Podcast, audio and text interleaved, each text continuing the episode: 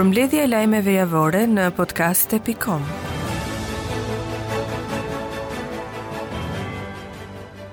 Presidenti Ilir Meta ka reaguar për situatën e tensionuar mes Ukrainës dhe Rusisë. Përmes një postimi në rrjetet sociale, kreu i shtetit tha se bashkohet me shqetësimin e partnerëve të NATO-s për rritjen e numrit të trupave dhe mjeteve ushtarake ruse në Ukrainë.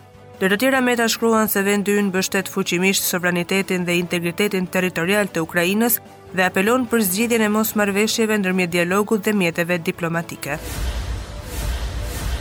Vrasja e gjashtëdhjetë e tre vjeçares Fatime Suli në fshatin Kozare të qytetit të Kuçovës mësohet të jetë kryer për një borxh që gruaja i kishte marrë Marrës. Vrasësi i saj, Fatah Marra, ka deklaruar në polici se viktima i kishte marrë atij gjashtëdhjetë mijë lekë të vjetra borxh si rezultat i mbarështimit të bagëtive. Sipas tij, gjithë fshati i mbarështonte tufat e dhive me tre cjeptë e tij të racës dhe çdo mbarështim i paguante atij pesë mijë lekë të vjetra. Organizata Transparency International nxori të martën raportin e përvitshëm për indeksin e perceptimit të korrupsionit në botë, ku arrin në përfundimin se 86 për qind e 180 vendeve dhe territoreve kanë bërë më pak ose aspak përparim në luftën kundër korrupsionit në dhjetë vitet e fundit. Raporti që analizon zhvillimet e vitit të kaluar e vë theksin tek lidhja mes korrupsionit dhe nivelit të demokracisë dhe të drejtave të njeriut nga vendet me më shumë korrupsion deri tek ekonomitë e përparuara. Një shpërthim me tritol është dëgjuar në një lagje të Durrësit. Shpërthimi ka ndodhur në shtëpinë e kreut të Federatës Shqiptare të Futbollit Armand Duka. Në një prononcim për mediat, Duka bëri me dije se brenda shtëpisë së tij ndodhej bashkëshortja dhe i biri, por fatmirësisht nuk kanë pësuar lëndime. Ai tha se kamerat e sigurisë kanë kapur momentin kur autori ka vendosur dinamitin. Autori është identifikuar dhe arrestuar nga policia për t'u përballur me ligjin. Florian Përvathi, 17 vjeç, është arrestuar nga policia e Lezhës pasi ka qëlluar për vdekje me armë zjarri shtetasin Lekë Lekgjonaj. Vëllai i viktimës i kishte vrarë të riut babanë 13 vite më parë. Floriani mësohet se ka shkuar vetë në polici pas vrasjes dhe ka thënë se 65 vjeçarin e ka vrarë për të marrë hakun e babait të tij. Menjëherë i riu është ndaluar, edhe pse nuk ka shfaqur shenja pendese, Florian Përvathi ndodhet në gjendje të rënduar emocionale. Tre punonjës të urbanistikës në bashkinë e Vlorës akuzohen nga sektori i krimit ekonomik për veprën penale shpërdorim detyre. Policia e Vlorës ka rënë në gjurmët e tyre dhe thotë se kanë dhënë leje për ndërtime jashtë kritereve ligjore një personi. Këta shtetas dyshohen se kanë shpërdoruar detyrën duke miratuar praktikën për dhënien e një leje ndërtimi jashtë kritereve ligjore në favor të shtetasit me iniciale AI. i cili ka vijuar ndërtimin e objektit jashtë kushteve të teknikës së lejes së ndërtimit. Në vijim të veprimeve u procedua penalisht edhe shtetasi me iniciale AI, 38 vjeç, për veprën penale Ndërtim i paligjshëm, njofton policia. Komisioneri Shtetror i Zgjedhjeve Ilirian Celibashi rikujton kryetarëve të njësive të qeverisë vendore ku do të zhvillohen zgjedhjet lokale në 6 mars detyrimin që kanë për të lajmëruar me shkrim Zëdhënësit e përfshirë në listën e shpallur nga zyrat e gjendjes civile për qendrat e votimit. Sipas tij, lajmërimi me shkrim duhet të përmbajë informacion mbi qendrën e votimit, vendodhjen dhe adresën e saj si dhe numrin rendor të zgjedhësit në listën e zgjedhësve të qendrës së tij të votimit.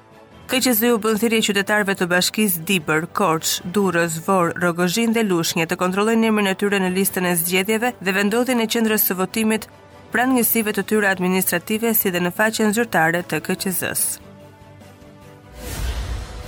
Një ngjarje e rëndë ka ndodhur në qytetin e Fierit, një grua 67 vjeçe ka ndërruar jetë në shtëpinë e saj në fshatin Ferras. Raportohet se 67 vjeçarja e identifikuar si Liliana Sema jetonte e vetme, ndërsa ditët e saj të fundit i kalonte në kushte shumë të vështira në një kasolle pa bukë dhe pa energji elektrike, ndërkohë që vendi u përfshi nga i ftohti polar. Dyshohet se shkak i vdekjes së saj ka qenë i ftohti. Mjeku epidemiolog Ilir Alimehmeti thotë se pjesa më e madhe e rasteve pozitive me Covid në vendin tonë janë të infektuar me variantin Omicron. Referuar asaj që ai pohoi në Shqipëri numri i shtrimeve në spital është ulur ndjeshëm, por numri i infektimeve vazhdon të jetë i lartë. Mjeku tha se ende nuk dihet deri kur do të ketë rënie të kurbës, por tani ka një ngadalësim të transmetueshmërisë.